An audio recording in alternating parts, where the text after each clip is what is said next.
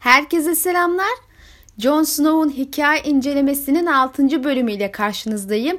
Geçen bölümde Jon'u daha gri bir karakter olarak görmüş, Stannis ile olan dikenli ilişkisine bir göz atmış ve Lord Kumandan olarak yüzleşmek zorunda kaldığı nöbetin sorunları hakkında konuşmuştuk.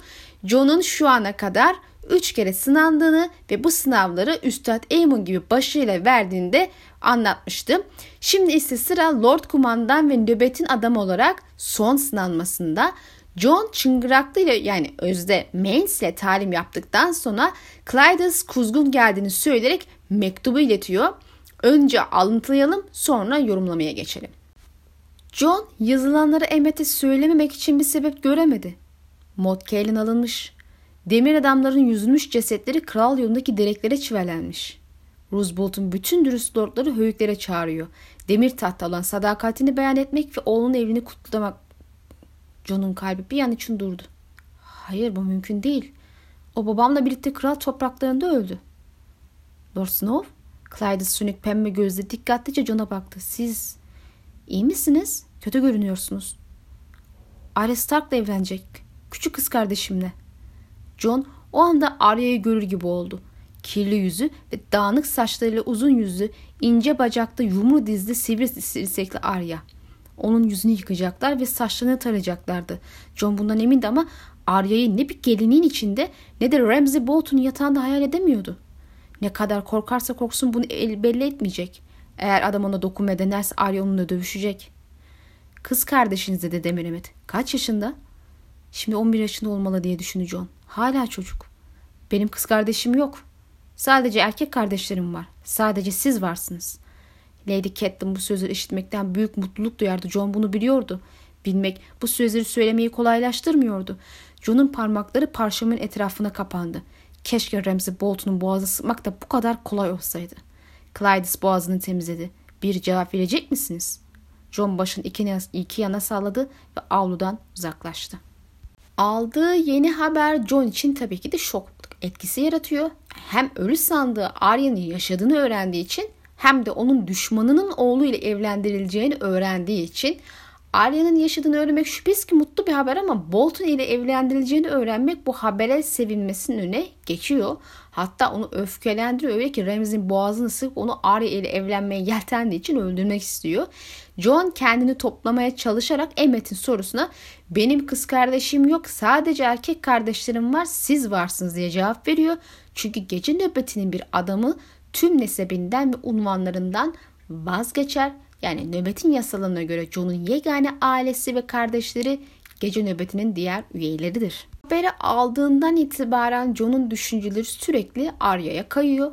Artık nöbetin adamı olduğu için Arya'ya yardım etmesinin bir yolu olmadığı gibi onu da ilgilendiren bir durum değil olmamalı. Hatta kardeşlerinden birinin böyle bir sorunu olsa onu ilgilendirmeyeceğini işine bakması gerektiğini söyleyeceğini ifade edip kendisine telkinlerde bulunmasına rağmen hiçbir işe yaramıyor ve John'un kalbi bir kere daha ikiye bölünüp savaş vermeye başlıyor. Yemini mi, Arya mı? John acı içinde ve buna katlanamaz hale geliyor. Aslında bu durum Martin'in ortaya çıkan e, mektubunda anlattığı taslakla neredeyse birebir örtüşür bir durum. Orada da Arya'nın dahil olduğu aile üyeleri sura sığınıyor ve yardım istiyordu ama John yeminlerine göre yegane ailesi artık nöbet üyeleri olduğu için ve yasaları onlara yardım etmenin önüne geçtiği için ızdırap yaşıyor, sıkıntılı günler geçiriyordu. O yüzden Bran ve Arya'ya yardım edemiyordu. E Martin bunu sadece burada Arya olarak değiştirmiş görünüyor. Jon'un kurtarması gereken kişi Arya ona yardım etmesi gerekiyor ama yeminleri onu bağlıyor ve bu da onun ızdırap acı çekmesine sebep oluyor. John kendini 60 yaşındaki bir adam kadar tutuk hissetti. Karanlık rüyalar diye düşündü ve suçluluk duygusu. Düşünceleri Arya'ya gidip durdu. Ona yardım etmemin bir yolu yok. Yeminimin sözlerini söylediğimde bütün nesebimden vazgeçtim. Eğer adamlarımdan biri bana kız kardeşinin tehlikede olduğunu söyleseydi ona bu konunun onu ilgilendirmediğini söylerdim. Bir adam sözleri söylediğinde kanı artık siyah olurdu. Bir piçin kalbi kadar siyah. John bir zamanlar Miken'e Arya için bir eşkıya kılıcı yaptırmıştı. Kızın eline sığacak kadar küçük bir kılıçtı. İğne. Arya'nın hala o kılıca sahip olup olmadığını merak etti. Düşmanına sivri ucu sapla derdi kardeşine ama kardeşi piçi delmeye kalkışırsa bu onun hayatına mal olabilirdi. Birdenbire John bu acıya bir an daha katlanamayacağını hissetti. Düşünceleri onu boğup acı çekmeye başlayınca kendini bundan uzaklaştırmak için dışarı atıyor. Nereye yürüdüğünü ne yaptığını bilmiyor. Kafası dağılmış bir şekilde dolanıyor ve sonra Melisandre ile karşılaşıyor. Hatta onu kızıl saçlar yüzünden bir an Ygritte'e bile benzetiyordu. Pelerini omuzlarında gürültüyle çırpındı. Hayalet John'un arkasından geliyordu. Nereye gidiyorum? Ne yapıyorum? Kara kale sessiz ve durgundu. Salonları ve kuleleri karanlıktı. Makamım diye düşündü Jon Snow. Benim salonum, benim evim, benim hakimiyetim. Bir harabe. John'un harabe ile ilgili son cümlesi bende başka hisler uyandırdı. John kara kaleyi durgun ve karanlık bir şekilde algılıyor ve sonunda harabe diye bitiriyor. Muhtemelen John haberi aldıktan sonra burada kendi ruh halini simgesel olarak anlatmış. Çünkü düşünceleri ve hissi tam olarak da bu şekilde tam anlamıyla harabeye dönmüş durumda. Ulu kurt surun gölgesinde John'un parmaklarına sürtündü. Bir an için gece binlerce koku, kokuyla hayat buldu ve Jon Snow eski bir kar tabakasının kırıldığını duydu. Arkasında biri vardı. John aniden fark etti. Bir yaz günü kadar sıcak biri. Arkasını döndüğünü Ygritte'i gördü. Kız Lord Kumandan Kulesi'nin kararmış taşlarının altında duruyordu. Karanlıkla ve hatıralarla örtülmüştü. Ateşle öpülmüş kızıl saçlarında ay ışığı vardı. John'un yüreği ağzına geldi. Ygritte dedi John. Lord Snow ses Melisandre'ye aitti. Melisandre Kalper hakkında Jon'a bir şeyler söylüyor. Bu olayı Arya'ya bağlayıp onu kaybetmediğini söylüyor. Burada en çok hoşuma giden şey Melisandre'nin önemli olan yegane şey kalptir. Kardeşini kaybetmedin dedikten sonra Jon'un içinden kalbim hakkında ne biliyorsun, kardeşim hakkında ne biliyorsun sözü oldu. John'un kalbinin içini ve Arya'yı aynı manada kullanması ve sonraki bölümlerde söyleyeceği üzere kendi yanın Arya'nın ev olarak görmesi malum bu kurumunda doğmasına sebep olan şeylerden biriydi. Alıntılarıyla devam edip başka sahnelere geçeceğiz şimdi. Kırmızı kadının burun derinliklerinden sis yükseliyordu ve solgun elleri geceye karşı çıplaktı. Parmaklarınız donacak dedi John. Eğer Roller'ın istediği buysa. Gecenin güçleri kalbi Tanrı'nın kutsal ateşiyle yıkanmışlara dokunamaz. Kalbiniz beni ilgilendirmiyor. Sadece elleriniz. Önemli olan yegane şey kalptir. Umutsuzluğa kapılma Lord Snow. Umutsuzluk adı anılmaması gereken düşmanın silahıdır. Kız kardeşini kaybetmedin. Benim kız kardeşim yok. Kelimeler bıçaktı. Kalbimle ilgili ne biliyorsun rahibe? Kardeşimle ilgili ne biliyorsun? Ek olarak benim dikkatimi çeken bir diğer ayrıntı benim kız kardeşim yok diyerek Arya ile olan bağını reddettikten sonra kelimeler bıçaktı cümlesini kurması burada bıçak etkisi yaratıp canının yandığını ifade ediyor ama son Povla'da gerçekten Arya yüzünden bıçak yiyip öldürülmesine bir foreshadowing olabilir diye düşündüm. Neyse daha sonra Melisandre alevlerin içinde Arya'yı gördüğünü ve düğününden kaçtığını ona doğru geldiğini söylüyor. Melisandre eğleniyormuş gibi görünüyordu. Sahip olmadığın şu küçük kız kardeşinin ismi ne? Arya. John'un sesi, sesi pürüzlüydü. Aslında üvey kardeşim. Çünkü sen piç olarak doğdun bunu unutmadım. Kardeşini ateşlerimde gördüm. Onun için ayarladıkları evlilikten kaçıyordu. Buraya sana geliyordu. Ölmek üzere olan bir atın sırtında oturan grilere bürünmüş bir kız. Bunu gün gibi açık gördüm. Henüz olmadı ama olacak. Melisandre Arya'nın evlilikten kaçıp sura gel geleceğini ateşlerde gördüğünü söylüyor ama biz biliyoruz ki o kişi ya da kişiler Jane veya Alice Karstark. Bu konuda farklı görüşler var. Bunu rüyalar, kehanetler ve bilmeceler serimde vakti geldiğinde tartışacağımız için şimdi burada mevzu bahis etmeyeceğim. Ama netice olarak Stannis e, Sur'u terk etti ve Melisandre'yi geride bıraktı. Sebep aslında başka bir videoda bahsetmiştim. Sebep Jon Snow'un kendisinin davaya katılmasını sağlamak.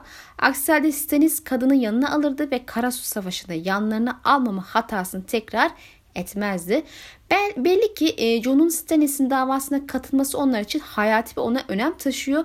E, Stark ismine sahip olmasa bile e, bu kanı taşıyan hatta görünüş olarak bile bir Stark'a benzeyen Jon'un isminin Kuzeylileri kazanmak için kilit isim olduğunu farkındalar. Bilhassa Stannis'in gönderdiği mektuplara genel olarak red cevabı aldığı da düşünülürse John e, bir ihtiyaç. Melisandre Mains'i davalarını katmak istedi ama ilk aşama adam inat etti ama geçen videoda söylediğim gibi belli ki Mains'i ikna etmenin yolunu e, bebek e, olarak gördüler. Yani oğlunu kullandılar. Aslında 5. bölümde aklıma gelmeyen bir olasılık şimdi aklıma geldi. John'un Mance'i ve bebeği yakacaklarını kraliçenin adamlarından duyduğunu okumuştuk. Ama bunu asla Stannis veya Melisandre'nin ağzından onaylamadık. Bunun bir temelli olabileceğini düşünmüştüm ama ya değilse ya Melisandre bu sözlerin kasıtlı olarak yayılmasını sağladı ise Yahut işte Stannis ile görüşürken bu adamlar bunu duydu ise yani kadının arzusu bebeği veya babayı yakmak mıydı? Muhtemelen hayır. Muhtemelen Melisandre Mains'in kendisini ve bebeğini yakacaklarını düşünmesini istedi. Ona korku aşılamak istedi. Böylece Mace oğlu için korkacak ve inadı kırılacaktı. Melisandre karşısındaki kişinin zayıf tarafını bulunca onu kullanıyor sonuçta. E bulamazsa da zayıf bir noktayı yaratmaya çabalarsınız. O da bunu yapmış gibi gözüküyor. Siz ne dersiniz bu konuda? Şimdi aynı zayıf nokta John için peyda oldu. Arya Stark. Melisandre John'u ikna etme yollarını düşünürken şans ayağına geldi. Kızın evlendirileceği haberi onun için imkan doğurdu. Elbette John'u bize katılı kız kardeşini kurtaralım yahut bize yardım etmezsen bir kızı kurtarır sonra yakarız gibi tehditlerle veya işte şartlı cümleyle ikna edemez. E John'un kişiliği belli ve içinde bulundukları şartlar da belli. John'a yardım eli uzatarak onun güvenini kazanmaya çalışıyorlar. En azından Stannis'e güven belki de minnet duymasını sağlayarak ve elbette Arya'yı koruma güdüsüyle onun davasına katılmasını sağlamak istiyor gibiler. Yani sonuçta Arya'ya kavuşursa e bu sefer de onu muhafaza etme ve onu almak isteyecek olan Boltonlara karşı bir mücadeleye girişmesi kaçınılmaz görüyor. En azından Melisandre'nin kafasında böyle gibi. E daha sonra Melisandre Jon'a sur, güç ve benimsemekle ilgili bazı sözler söylüyor. E, bu konuşmada birkaç dikkat çekici ayrıntı olduğuna inanıyorum. Öncelikle Melisandre Jon'un ve Hayret'in içinde sahip olduğu güçlere gönderme yapıp kullanmasını söylüyor. Çünkü Jon konumu dahil workluk gücüne direnen biri bir türlü tam manasını özümseyemiyor ki Melisandre Pov'una da kadın e, bunun hata ve bir çeşit kibir olduğunu, gücün asla bu şekilde dizginlenemeyeceğini söylerken görüyoruz yani güçler hakkında konuşurken. E, bu surdaki, hayaletteki ve John'daki yani John'un içindeki gücün ileride John'un dirilişinde pay sahibi olabileceğine dair ortaya attığım kuramın temel olduğunu zaten hatırlıyorsunuzdur. Şimdi alıntıları vereyim, yorumlamaya devam edeceğiz. Sur tuhaf bir yer ama eğer kullanmayı bilirsen burada güç var. Senin içinde ve bu hayvan içinde güç var. O güce karşı koyuyorsun ama hata ediyorsun. O gücü kabul et. Onu kullan. Ben kurt değilim diye düşüneceğim. Yeryüzünde yürüyen her insan dünyaya bir gölge düşürür. Bazıları zayıf ve güçsüzdür. Diğerleri uzun ve karanlık. Arkana bakmalısın Lord Snow. Ay seni öptü ve buzun üstünde 6 metrelik gölgeni dağladı. John omuzun üstünden arkasına baktı. Gölge tıpkı kadının söylediği gibi oradaydı. Ay ışığıyla surun üstüne dağlanmıştı. Bu iki alıntı ile ilgili üstüne durmak istediğim iki ayrıntı daha var. Ee, bunlardan biri John'un ben kurt değilim demesi ki daha önceleri de bunun içinden söylüyor zaten. Ayrıca ise tam tersi sürekli kurt olduğuna vurgu yapıyor. Brand zaten ayrı bir olay. Bu yüzden ilk yorumladığım sıralarda yani kitapları ilk okuduğum zamanlarda bu reddedişi biraz garip bulmuştum. Acaba dedim hani ejderha kanını gönderme şeklinde mi diye düşündüm Martin tarafından. Ama Jon'un Stark'tan ve kurtlarıyla olan bağı ve gücü ortadayken bu bana pek mümkün görünmedi. Sonuçta sadece ejderha değil ayrıca bir kurt Jon Snow. E sonra bu sözü söylediği şartlara baktım. Hani genelde hayaletin açlığını ya işte yediklerini hissettiği. Özetle kurdun kendi üstünde uyanıkken bile üstünlük kurduğu o anlarda bunu ifade ediyor. Zaten bu sözü söyledikten sonra ben insanım demişti ilk söylediğinde. Demek burada vurgu yapılan şey bir hayvan kurt olmadığı insan olduğunu kendini sürekli hatırlatma çabası. Çünkü anladığım kadarıyla bağ güçlendikçe hayalet biraz daha kontrol sahip oluyor John'un üzerinde. Yani Jojen ve e, Bran'ın e, talimlerini hatırlıyorsunuz. Jojen sürekli olarak Bran'ın e, kontrolü elinde tuttuğundan emin olmak için uğraşıyordu. Bunun için de eğitim veriyordu. Eğitim vermezse e, doğal olarak hayvan sahibi üstünde kontrol sahibi olabilir. Kitabın açılış pavunda Vorg'un bu konuda söyledikleri de aklıma gelince ve Melisandre'in ateşler içinde işte Jon'u insan kurt insan şeklinde görünce e, bir çeşit işaret olabileceğine kanat getirmiştim artık.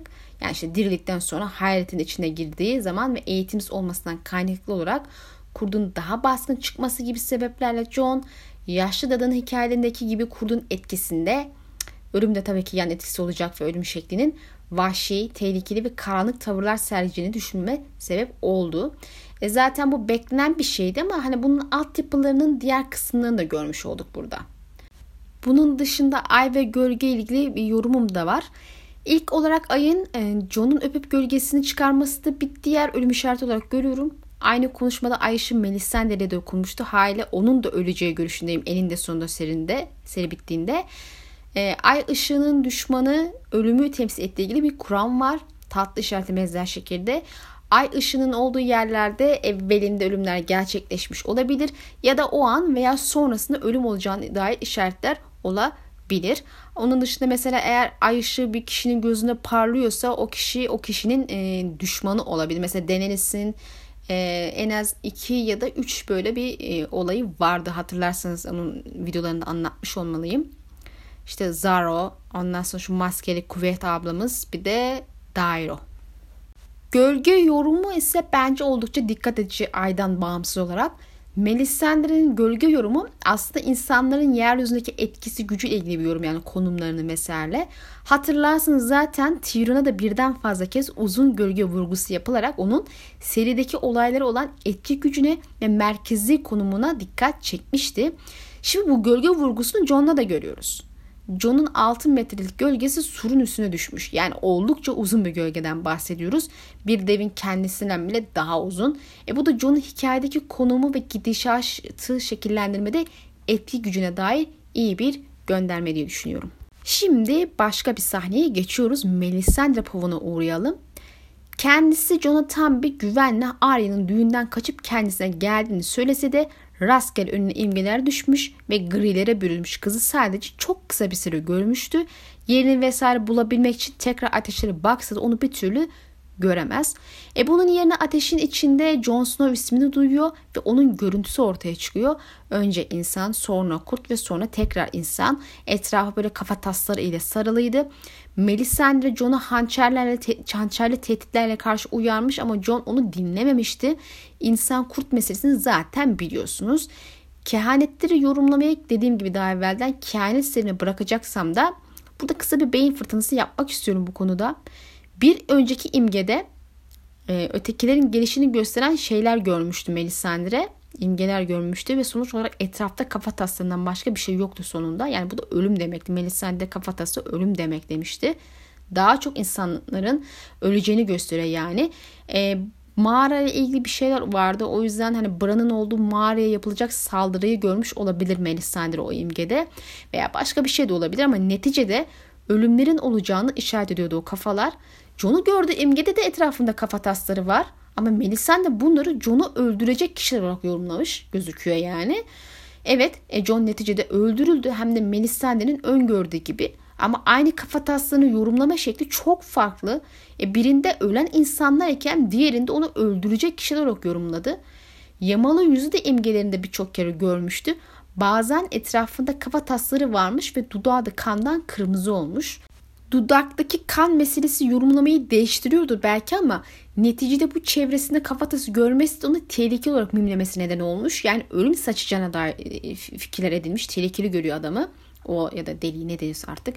İyi de şimdi neden John'a gelince çevresinde kafatası gördüğünde onu öldürüleceğine dair yorum yapıyor. Yani tam tersine John'un çevresindeki birçok kişi öldüreceğine dair bir imge olmasın o. Ateş Melisandre'yi John'a karşı uyarıyor olmasın. Melisandre gene e, kafasına göre yorumlamış olmasın. Yani belki olabilir bence. Düşünmek lazım. Video e, bahsettiğim e, kehanetler videosunu biraz daha ayrıntılı konuşuruz bunu sonra. Devam edelim. Alıntıyı verelim başka bir şey geçeceğiz. Alevler hafifçe çıtırdadı ve Melisandre çıtırdalığın içinde fısıldanan Jon Snow ismini duydu. Jon'un uzun suratı Melisandre'nin önünde yüzmeye başladı. Kırmızı ve turuncu dillerle çizilmişti. Bir görünüp bir kayboluyordu. Titrek bir perdenin ardında yarı görünür bir gölgeydi. Şimdi bir insandı. Şimdi bir kurt. Şimdi yine insan. Ama kafatasları da oradaydı. Kafatasları John'un etrafını sarmıştı. Melisandre John'un içinde bulunduğu tehlikeyi daha önce de görmüş ve çocuğu uyarmaya çalışmıştı. Dört yanında düşmanlar, karanlıktaki hançerler. John dinlememişti. Evet şimdi devam ediyoruz. Melisandre'nin Arya'yı bulma çabası vesaire hepsinin sebebini daha evvel anlattım. Bu povda bunu onun ağzından da öğreniyoruz zaten. Bununla beraber bu senede John hakkında düşüncelerine de tanık oluyoruz. Vereceğim ilk alıntılarda John'un politik davranışlarına değmiş. Yani John'un ilişkiler arasında politik hareketlerin nasıl olması gerektiğini bildiğini görebiliyoruz. Daha sonra da Stannis ile olan ortak noktalarına değinilmiş.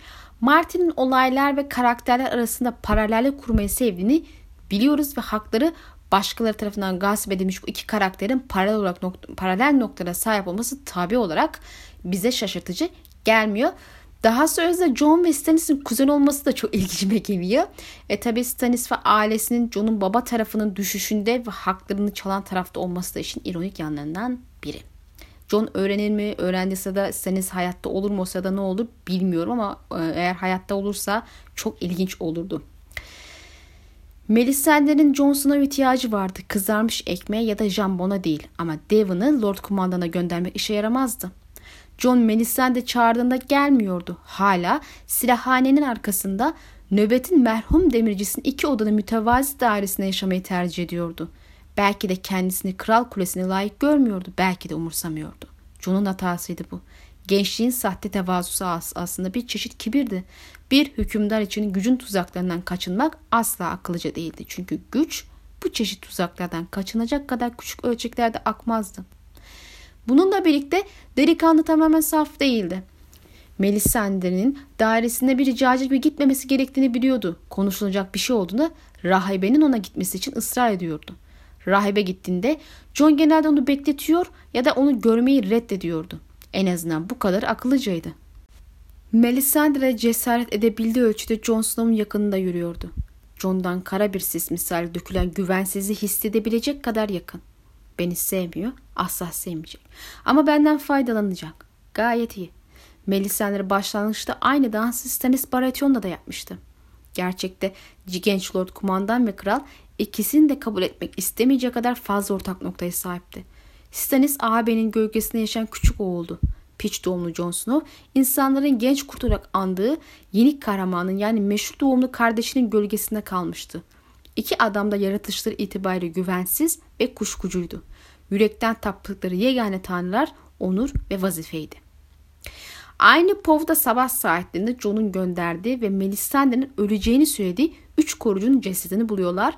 Başları bir kaza saplanmış ve gözleri oyulmuş halde ağlakın işi belli göz oymasından. Elbette bu durum nahoş bir hava yaratıyor. Kim bunlar diye sordu Melisandre kargalara. Kara Jack Bulwer, kıllı Hal ve Guard Bowstreet dedi Bowen Marsh ciddi bir sesle. Zemin yarı doğmuş halde.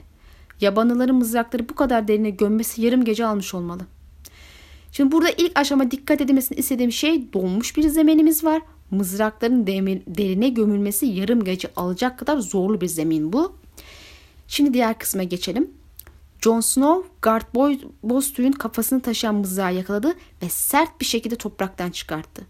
Diğer ikisini de çıkarın diye emir verdi. Dört karga emre itaat etmek için hareketlendi. İkişer kişinin bir mızrağı ancak söktüğü yerde John tek başına tek seferde çıkartıyor. Daha evvel de John'un çok güçlendiğini gördüğümüz sahnelerimiz vardı. İşte Demir Emet'e yahut işte Alyasız Thorn'a karşı uygulamıştı gücünü. Yabanlılardan kaçarken ki o halleri falan da yani bizim Jon Snow bazen berserker falan oluyor. Çoğu kişi bu tabiri oyunlardan aşina ama özde İskandinav mitlerinde kuzey halklar arasında yaygın savaşçılar bunlar. Ayı ve kurt postları giyenleri var. E, ve kurt postu giyenler bazı alıntı anlatılarda Odin'in seçkin savaşçı olarak geçiyor. Bu da ilginç bir ayrıntı olarak da burada bir dursun. Bu sahneden sonra da John ve Melisandre kadının odasına gidiyor ve çıngıraklığın aslında göz yanılması büyüsüyle gizlenmiş Mens olduğunu öğreniyoruz. Melisandre doğrudan Arya'ya yardım edemediği için Mens'i kullanarak Arya'yı kurtarabileceğini söylüyor John'a. Mens'e altı mızrak karesiyle bu işi yapabileceğini söyledi. Yani Melisandre'den kızın karşılığı istikameti falan öğreniyordu öncesinden ve John da onu tabii ki serbest bırakıyor bu sebeple. Önce bir alıntıyı okuyalım sonra bir yorumlama yapacağım. Atlar ihtiyacım olacak. Yarım düzüne iyi ata. Ve bu yalnız yapabileceğim bir iş değil. Köstebek kasabasına hapsedilen mızrak karalarından bazıları işe yarar. Bu iş için en iyisi kadınlar olur. Kız onlara daha kolay güvenir. Ve kadınlar aklımdaki malum planı gerçekleştirmeme de yardım ederler. Şimdi Melisandre sözde Arya'nın kaçtığı yeri istikameti tarif etti. Mace onu almak için yola çıkacak ve yanında da altı kadın istiyor ki kız korkmasın. E, kadınlara rahat güvenir ama başka bir şey daha ekliyor. Aklındaki malum planı gerçekleştirmeye yardım ederler. Ne planı? Yani ayrıca neden yarım düzüne iyi at lazım? Yani ilk olarak Arya'nın kurtarılması ilgili bir plan sanıyoruz ama Arya Melisandre'ye göre zaten kaçmış durumda. Yahut işte Mez e, yola çıktığında kaçmış olacak. E Mez yoldan, yoldan alacak kızı sadece ve güvenle geri getirecek ama o hem at istiyor yarım düzün hem de iyi at olacak. Hem de e, efendim demiş 6 tane kadın ver bana başım, e, kafamdaki planı gerçekleştirmem için lazım onlar falan diyor. Yani şimdi size göre Arya'yı yoldan alıp güvenle geri getirmesi için bir plana ihtiyacı var mı? Bence yok. Demek ki Melisandre ve Mains bizim göremediğimiz bir arka planda başka şeyler konuş, başka planlar yapmışlar başka meselelerle ilgili. Mans'in Winterfell'e sızdığını ve kadınları bazı şey işler için kullandığını biliyoruz sonraki Theon sahnelerinde. Sahte Arya orada olduğu için onu kurtarmak için geldiklerini sandık ama belli ki Mason aklındaki malum plan içinde oradalar ama bu plan nedir? Pembe mektuba giden yol olabilir mi? Tabii ki sırf olamaz yani ama mesela işte kaleyi ele geçirmek için kullanılacak bir plan yapmış olabilirler mi? Yani birçok şey olabilir. Melisandre'in Pov'da onu sık sık sahte kral olarak tabir ettiğinde unutmayalım. Evvelinde de bu şekilde tabir edilmişti zaten. Sahte kralın öldü piç hatırlayın bu sözü. Yani bence Pembe Mektubun Stennis tayfası tarafından hazırlanan dair işaretlerden bazıları bunlar. E, Mans'in Arya'ya yüksek ihtimal hatırladığını ve kızın neye benzediğini bildiğini biliyorsunuz. Bunu konuşmuştuk. Bütün Stark çocukların yüzlerini ve kurtlarını zamanında işte e, Robert geldiğinde o da oradaydı biliyorsunuz. izleyip ezberlemişti kurtlarına kadar. Hepsine bakmıştı. Yani adam gri göz ile kahverengi gözü ayırt edebilecek kapasiteydi en son baktığımda. Hale demiştim. Arya olmadığını bildi halde neden kalede kalmaya devam ettiler. Belli ki Mace'in başka amacı var. Gizli bir amaç ve bu Melisandre Stannis'e planlanmış bir amaç. Ama tam olarak nedir bilemiyoruz ancak spekülasyon yapabiliriz. Şimdi tekrar John Povlarına dönüyoruz. Nöbete katılmış yeminlerini, etme, yeminlerini etmeleri gereken adaylarımız var. Bunların eğitimleri diğerleri gibi artık tamamlandığı için yemin etme türünü gerçekleştirilmesi gerekiyor ve doğal olarak eski dine inananlar için bu ancak sur dışındaki büvet ağacının yanında olabiliyor. Elbette yemin edecek kişiler arasında 3 kişi de güneyden gelen inanç mensubu kişiler daha doğrusu öyle idiler. Bu üçü de eski inanca göre yemin etmek istemişler. Sam de öyle yapmıştı hatırlarsınız ve bunun nedeni bize açıklamıştı. Ve dahası bu John ile de özel bir inanç bağı oluşması için de hoş bir ayrıntıydı ama Satin dahil bu üç güneylinin neden böyle bir seçim yaptıklarını bilmiyoruz. Gerçi yani belki Martin zaman zaman e, insanların dini değiştirdiklerini göstermek istiyordu. Yani sonuçta bizim evrenimizde de olan bir şey. Yine de hani Martin neden böyle bir şey yazmış bunu tam olarak kestiremiyorum böyle bir şey değilse yani. E, Sam'de olduğu gibi bu üçünün de John ile yakın bağ olmasını istiyor misal? Öyleyse neden? E, Satin John'a oldukça yakın. Kendisinin kahyalığını yapıyor zaten. Farman ailesinin evi olan güzel adalı Aron da kahyalar arasında ve ikiz kardeşi Emric de korucular arasında.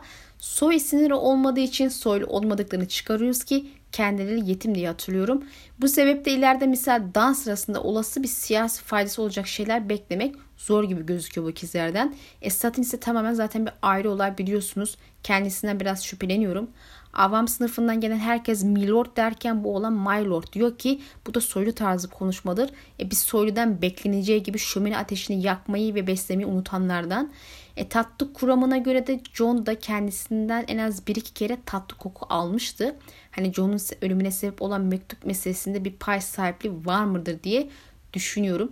Yoktur umarım zira kendisine sempatim var. Neyse belki de dikkat eder hiçbir rolleri yoktur ve ben her taşın altında bir bit yeni arayacak kadar paranoyak olmuşumdur Martes sayesinde. Gayet de mümkün bence. Sonuç olarak John da hava şartlarının uygun olmasını fırsat bilerek yola çıkıyor ve burada birkaç yabanıl ve sevimli devimiz Wun Un ile tanışıyor. Herhalde tarihteki e, yegane e, vejetaryen dev olabilir. Ayrıca yanlarında ölmüş iki kişi de var ki John daha sonra dirilirler, dirilirler düşüncesiyle onları da yanına almaya karar veriyor. Bu şekilde belki düşmanı daha iyi tanıyabileceğini düşünmekte elbette kitap sonuna kadar dirilen birilen yok. Ama 6. kitapta beklediğim bir şey bu. Bu sıralarda John'un hayalet ile olan bağının güçlerine dair de işaret okuyoruz bir tane daha. Yani uyanık iken bile hayvanın aldığı kokuyu alıyor. Zaten yediğinin tadını alıyorsa şaşılacak bir şey değil bu. John Tom Barleycorn'u görmeden önce adamın kokusunu aldı. Yoksa kokuyu alan hayalet miydi? Son zamanlarda John sık sık ulu kurtta biri olduğunu hissediyordu. Uyanıkken bile. Önce ulu kurdu gör, önce ulu kurt göründü. Üstündeki karları silkeledi. Birkaç dakika sonra Tom ortaya çıktı. Yabanılar dedi John sessizce. Ağaçlıkta. Şimdi sık sık yani uyanık iken bile kurt ile bir oluşum hissetmesi belki de John'un öldüğü zaman hayaletin bedenine girmesine ön ayak sağlayan bir ön hazırlık gibi olmuştur. Yani madem bağ uyanık iken bile sürekli devam ediyor John'un ölünce ruhunun bir anda hayalete geçmesi çok doğal bir sonuç oluyor. Çünkü birbirlerini artık gözünden hissedip koku alır hale gelmişler. En azından hayaletin bakışına bakabilseydik bence onda da benzer eğilimler görürdük. Sanırım şimdilik burada ara vermek durumundayız. Bu hafta biraz kısa kesmek zorunda kaldım videoyu. İnşallah beğenmişsinizdir. Sonraki videoda görüşmek dileğiyle Allah'a emanet olun.